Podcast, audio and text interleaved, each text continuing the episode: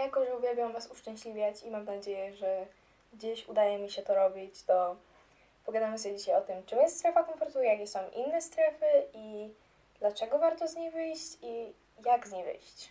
Więc y, zapraszam do rozsiągnięcia się, wyciągnięcia kawusi. Ja mam kawę ze sobą właśnie z syropem klonowym, więc polecam się przygotować i usiąść. Zapraszam do oglądania. A więc szybka notka. Jeśli, bardzo możliwe, że będę się mocno świeciła w tym odcinku. Wiem, że niektórzy to słuchają na Spotify'u, więc są zorientowani, czemu miałoby ich to obchodzić, ale do osób, które są teraz na YouTubie, to przepraszam, ale muszę mieć zamknięte okno, byście nie słyszeli szumu i mam na sobie teraz świecącą lampę. Więc no, może być problematycznie. Strefa komfortu to tak właściwie to, co dla nas znajome. To, z czym się czujemy komfortowo. Czyli na przykład, jeśli chodzicie do jakiejś szkoły od iluś lat, to nie mówię, że jest komfortowa, ale stała się w pewien sposób częścią waszej strefy komfortu, bo jeśli chcielibyście zmienić szkołę, to pojawiłoby się dużo lęku, dużo różnych. Nawet nie ze względu na to, że kochacie szkołę, tylko po prostu chodzi o lęk przed nieznanym, że wyjście do czego, po prostu próbowanie nowych rzeczy. Gdy próbujemy nowych rzeczy, pojawiają się różne lęki, pojawiają się różne rzeczy i to jest ten głosik, który próbuje nas utrzymać w strefie komfortu. Ale powiem Wam, że strefa komfortu to najgorsza ze wszystkich czterech sfer, o których mi wiadomo. Wyobraźcie sobie po prostu cztery kółka jakby one są wewnątrz siebie, więc takim najmniejszym w środku jest strefa komfortu. Jak postawimy krok dalej, to jest strefa strachu. Strefa strachu, czyli takie, gdzie w momencie, w którym jest, jesteśmy podatni na opinie innych i tak dalej, czyli robimy coś, gdzie wystawiamy siebie może przed innym, na przykład załóżmy prezentowanie w klasie, coś w tym stylu. Zdecydowanie nie jest strefa komfortu, to na pewno wiem. Dalej jest strefa nauki, czyli już idziemy w coraz lepszym kierunku. To jest strefa, no tak właściwie po prostu uczenie się nowych umiejętności, próbowanie nowych rzeczy. Strefa rozwoju i wzrostu. O Boże, jak ja to kocham. A więc jest to strefa, w której po prostu zaczynamy odnajdywać sens, nasze powołania. W tej strefie spełniamy marzenia. Więc mm, jak zauważyliście, w strefie komfortu tak właściwie nic się nie dzieje. Dlatego nic nie powiedziałam. Strefa komfortu to jest totalny bullshit, tam nic się nie dzieje. Jesteśmy zamknięci w małej bańce i boimy się wyjrzeć poza nią. Więc teraz pomówimy sobie cztery powody, dlaczego warto wyjść z strefy komfortu poza samym faktem tego, że są lepsze strefy, bo wiadomo, to wymaga jednak energii, siły, motywacji, by wyjść poza strefę komfortu, więc musimy mieć też jakieś solidne powody. A więc pierwszy, ale najprostszy, nie mamy wyboru zostać w strefie komfortu. Czy tego chcesz czy nie, na, jak bardzo nie starałbyś się zostać w swoim małym bąbelku, po prostu małym bąbelku brzmi źle, małej bańce, znajdą się momenty, gdy poza tę strefę wychodzisz. Na przykład, gdy ktoś Ciebie konfrontuje, czyli są jakieś na przykład konflikty. Musisz się zaprezentować przed klasą, jeśli musisz na przykład jesteś w jakiejś niezręcznej rozmowie, coś. To są nawet takie małe rzeczy, ale to nie jest strefa komfortu. Więc skoro i tak wychodzimy ze strefy komfortu, to chyba warto się nauczyć poza nią żyć, tak? Numer drugi. W strefie komfortu nie rośniemy, nie rozwijamy się, zostajemy nie dość, że tacy sami, to nieraz coraz gorsi. Punkt trzeci. Komfort nie równa się szczęście. Absolutnie. Możecie być w strefie komfortu i czuć się... Ja, ja byłam najbardziej niespełniona, gdy właśnie zostawałam w strefie komfortu. I zaraz przejdziemy dokładniej do tego, co jeszcze teraz mówię, ale ogólnie ważne jest, żeby zapamiętać, że komfort nie równa się szczęście. I po czwarte, czyli to jest chyba najważniejszy punkt dla mnie, bo jest dla mnie bardzo personalny, więc stanie w strefie komfortu jest niebezpieczne. I nie chodzi o to, że nie można w niej nigdy być, bo znajdą się dni, gdzie może w tej strefie komfortu pozostajemy i tak dalej, ale na ogół w życiu nie możemy w niej zostać, to będzie niebezpieczne. I teraz tak. Um, wiele osób, coraz więcej się ogólnie mówi o zdrowiu psychicznym i o tym, szczególnie wśród młodzieży, dużo osób znajduje komfort właśnie w tym stanie, gdzie jest źle pod względem zdrowia psychicznego. I to może brzmieć głupie, jeśli tego nie doświadczyliście i trochę niezrozumiale, ale w tym całym nieszczęściu i w tym takim słabym stanie bardzo łatwo znaleźć komfort, bo jeśli człowiek jest w takim stanie od miesięcy, od lat, to po prostu nie zna tego, co jest poza tym, więc dużo osób boi się w ogóle wyzdrowieć, bo nie wie, co jest, jak wygląda szczęście, nie wie, czy to jest w ogóle komfortowe, że tak to ujmę. Podobnie jest z uzależnieniami i uważam, że strefa komfortu to jest często ten moment, gdy ludzie są na przykład uzależnieni właśnie. A więc teraz podzielimy sobie ten segment tak, że po, mm, Opowiem trochę o mojej historii ze wychodzeniem z strefy komfortu, jednocześnie dając Wam jakiś zamysł tego, jak Wy możecie. A potem podam Wam już takie praktyczniejsze przykłady, a na samym końcu przejdziemy do um, przykładów tego, co możecie pisać w dzienniku i tak dalej, związanych ze strefą komfortu, bo ja ogólnie bardzo często mówię o prowadzeniu dziennika na moim kanale i bardzo do tego zachęcam. Najważniejsze to pokazać swojemu umyśle po prostu, że poza strefą komfortu jest dobrze.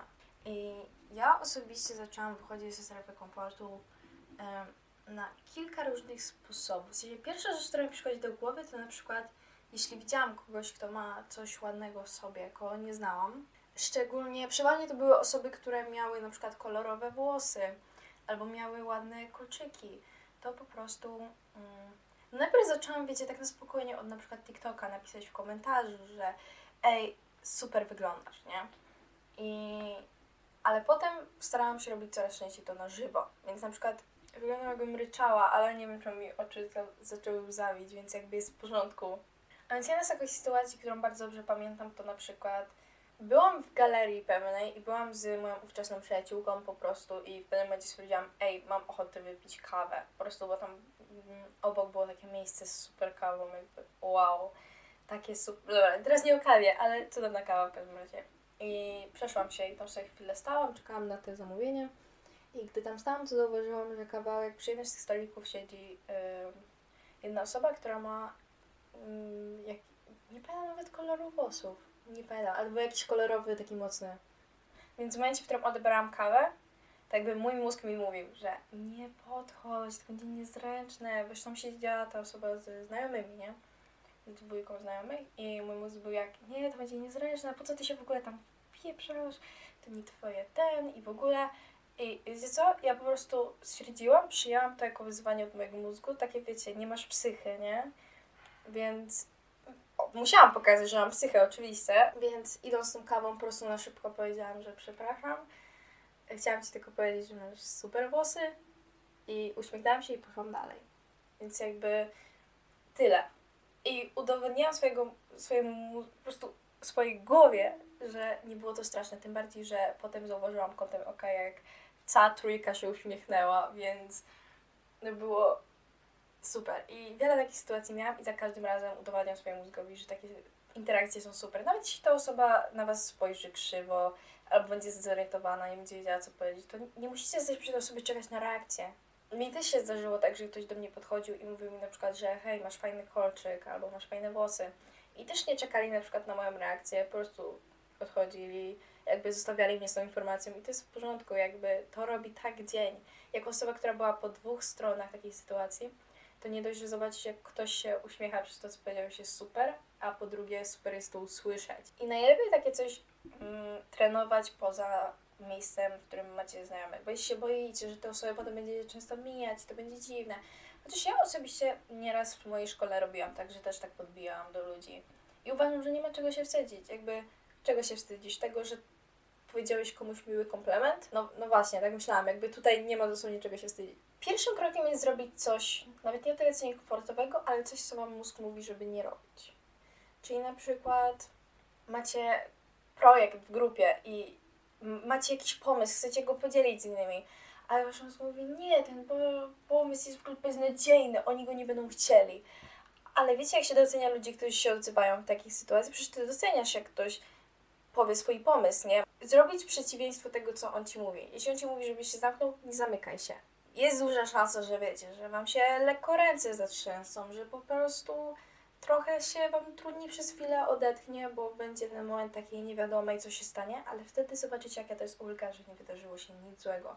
Ale jeśli wydarzyło się coś nieprzyjemnego, to przeważnie waga tego nawet nie jest duża. Osobiście ja już mówiłam o tym w innych filmach, ale bardzo się bałam założyć kanał na YouTube, bo kiedyś byłam wyśmiewana z tego powodu, gdy miałam wcześniejszy kanał.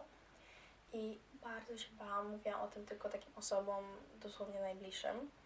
I jakby byłam pewna, że powtórzy się to, co kiedyś. Czyli, że jak ktoś na przykład z mojej klasy to odkryje, to zaczną się ze mnie śmiać i w ogóle, że nie będę mogła wrócić do szkoły. A sytuacja wygląda tak, że niedawno mi się wybił dość mocno jeden TikTok. On ma teraz ponad 300 tysięcy wyświetleń.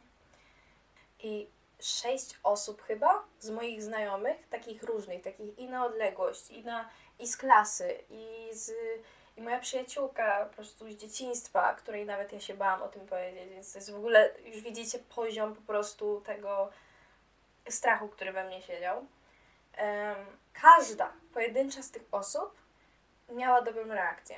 Albo po prostu byli tacy jak, wow, ej, nie widziałem ten, ten, że masz coś takiego.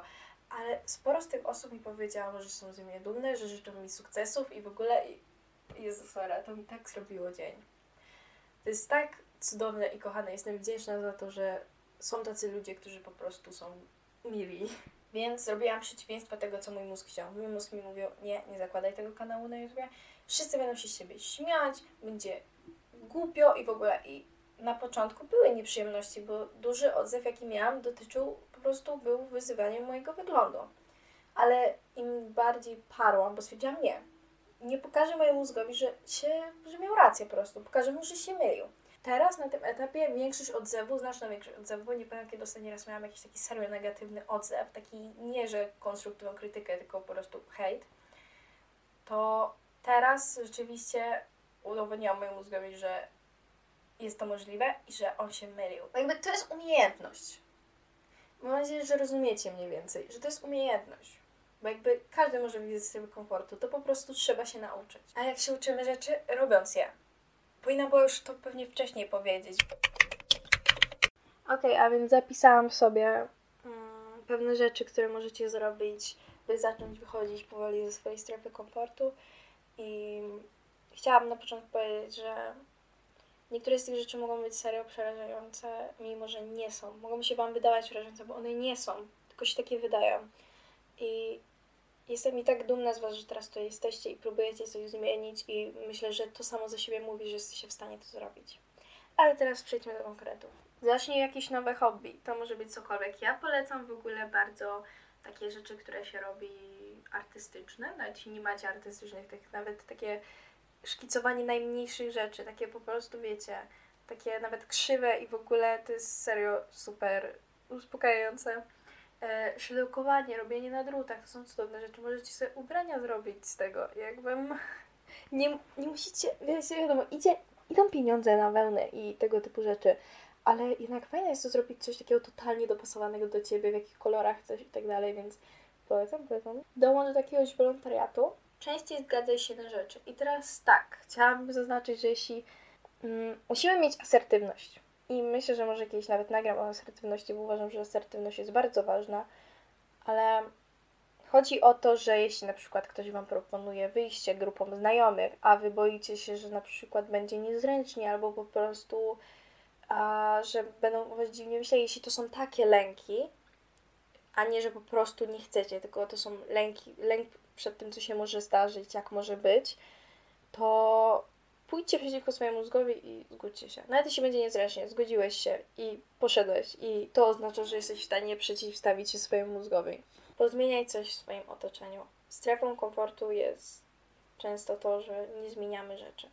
Zmień coś w swoim otoczeniu i nawet najmniejszego, jakieś nowe ozdoby w pokoju, zrób przemeblowanie, cokolwiek. Zrób sobie dzień, gdzie ograniczasz swoje używanie telefonu, elektroniki i tak dalej, bo Mm, elektronika, szczególnie telefon, TikTok i tak dalej, to się bardzo przyczynia do tego gnicia w strefie komfortu, więc czasami warto na chwilę to odłożyć na bok. Spróbuj zmienić coś w swojej rutynie. Nawet jeśli nie masz takiej stricte rutyny, to są pewne rzeczy, które... Jest jakiś wzór rzeczy, które powtarzamy. Nawet jeśli to nie jest, wiecie, na przykład masz jakąś kolejność, w której przygotowujesz się do snu i tak dalej. Możesz coś tam dodać, zmienić i tak dalej. Ja na przykład uwielbiam, teraz szczególnie gdy są wakacje, mogę sobie na to pozwolić, zaczynać po prostu dzień od czytania książki, zanim sięgnę po telefon. I to jest specyficzne uczucie, bo jakby jednak telefon jest tym źródłem takiej dopaminy, tej ogromnej dopaminy i po prostu, czyli ogólnie to jest hormon nagrody, to jest to uczucie takiego, wiecie, gdy zjecie coś słodkiego, albo gdy właśnie ktoś wam, nie wiem, polubi TikToka, no wiecie, to jest taka nagroda, nie? Ale gdy zaczniecie od czegoś, co nie jest aż taką skrajną dawką dopaminy, bo no jednak książki są, ale nie, nieporównywalnie do telefonu moim zdaniem, to w ciągu dnia będziecie mieli tylko wyższy jakby poziom dopaminy, rozumiecie? Jeśli zaczniecie od czegoś mniejszego, to będzie tylko lepiej, a jeśli zaczniecie od telefonu, to będzie tylko gorzej albo tak samo, bo będziecie cały czas na telefonie.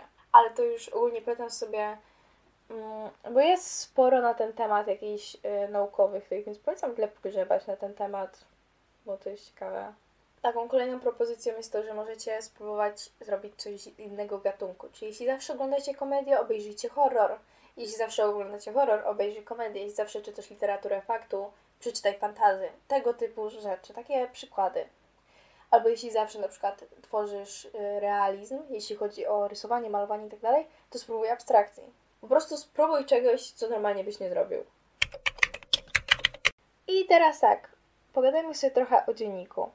A więc po pierwsze chciałabym, żebyście zapisali sobie tak jakby spróbowali zrozumieć, co jest za waszą strefą komfortu, co jest w tej strefie komfortu i chciałabym, żebyście również zapisali sobie, co jest poza strefą komfortu, co chcielibyście spróbować i jak możecie się wziąć za to, by to spróbować.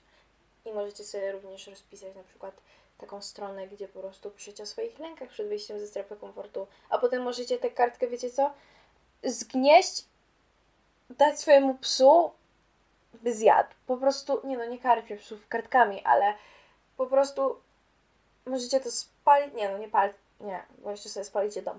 Pozbyjcie się po prostu tego, bo ja tutaj wszystkie złe pomysły teraz dałam na to, jak się pozbyć kartki. Wyrzuciłam do śmietnika. Czemu o tym wcześniej nie pomyślałam? Ale no w każdym razie. Po prostu pozbądźcie się tego, miejcie to gdzieś, po prostu powiedzcie swojemu mózgowi wal się, ja jestem tutaj szefem, ok? Kolejne pytanie do zadania sobie to jest jak, jakie jakby, co dostaję ze swojej strefy komfortu, jakie plusy, jakie korzyści mi przynosi. I chciałabym, żeby to były jakiekolwiek pomysły poza samym faktem komfortu. Bo szczerze wątpię, żeby było tego za dużo i żeby były wystarczająco ważne, żeby zostać w strefie komfortu. Zachęcam do napisania w komentarzu, jakie są Wasze pomysły na Wasze wyjście ze strefy komfortu, co chcecie zrobić poza swoją strefą komfortu i możemy siebie wszyscy trochę pomotywować w komentarzach, trochę tutaj, wiecie, wesprzeć w tym wszystkim, w tych nowych rzeczach. I no, zapraszam do zostawienia łapki w górę, aby mogło to dotrzeć do większej ilości osób i zapraszam do zasubskrybowania, bo ten podcast pojawia się każdą niedzielę o 12, a na moim innym kanale w piątki o 16 i czasem we wtorki o 16 pojawiają się gameplaye z Simsów. Dziękuję, że tutaj byliście, jestem z Was niezmiernie dumna. Dziękuję, buziaki, pa.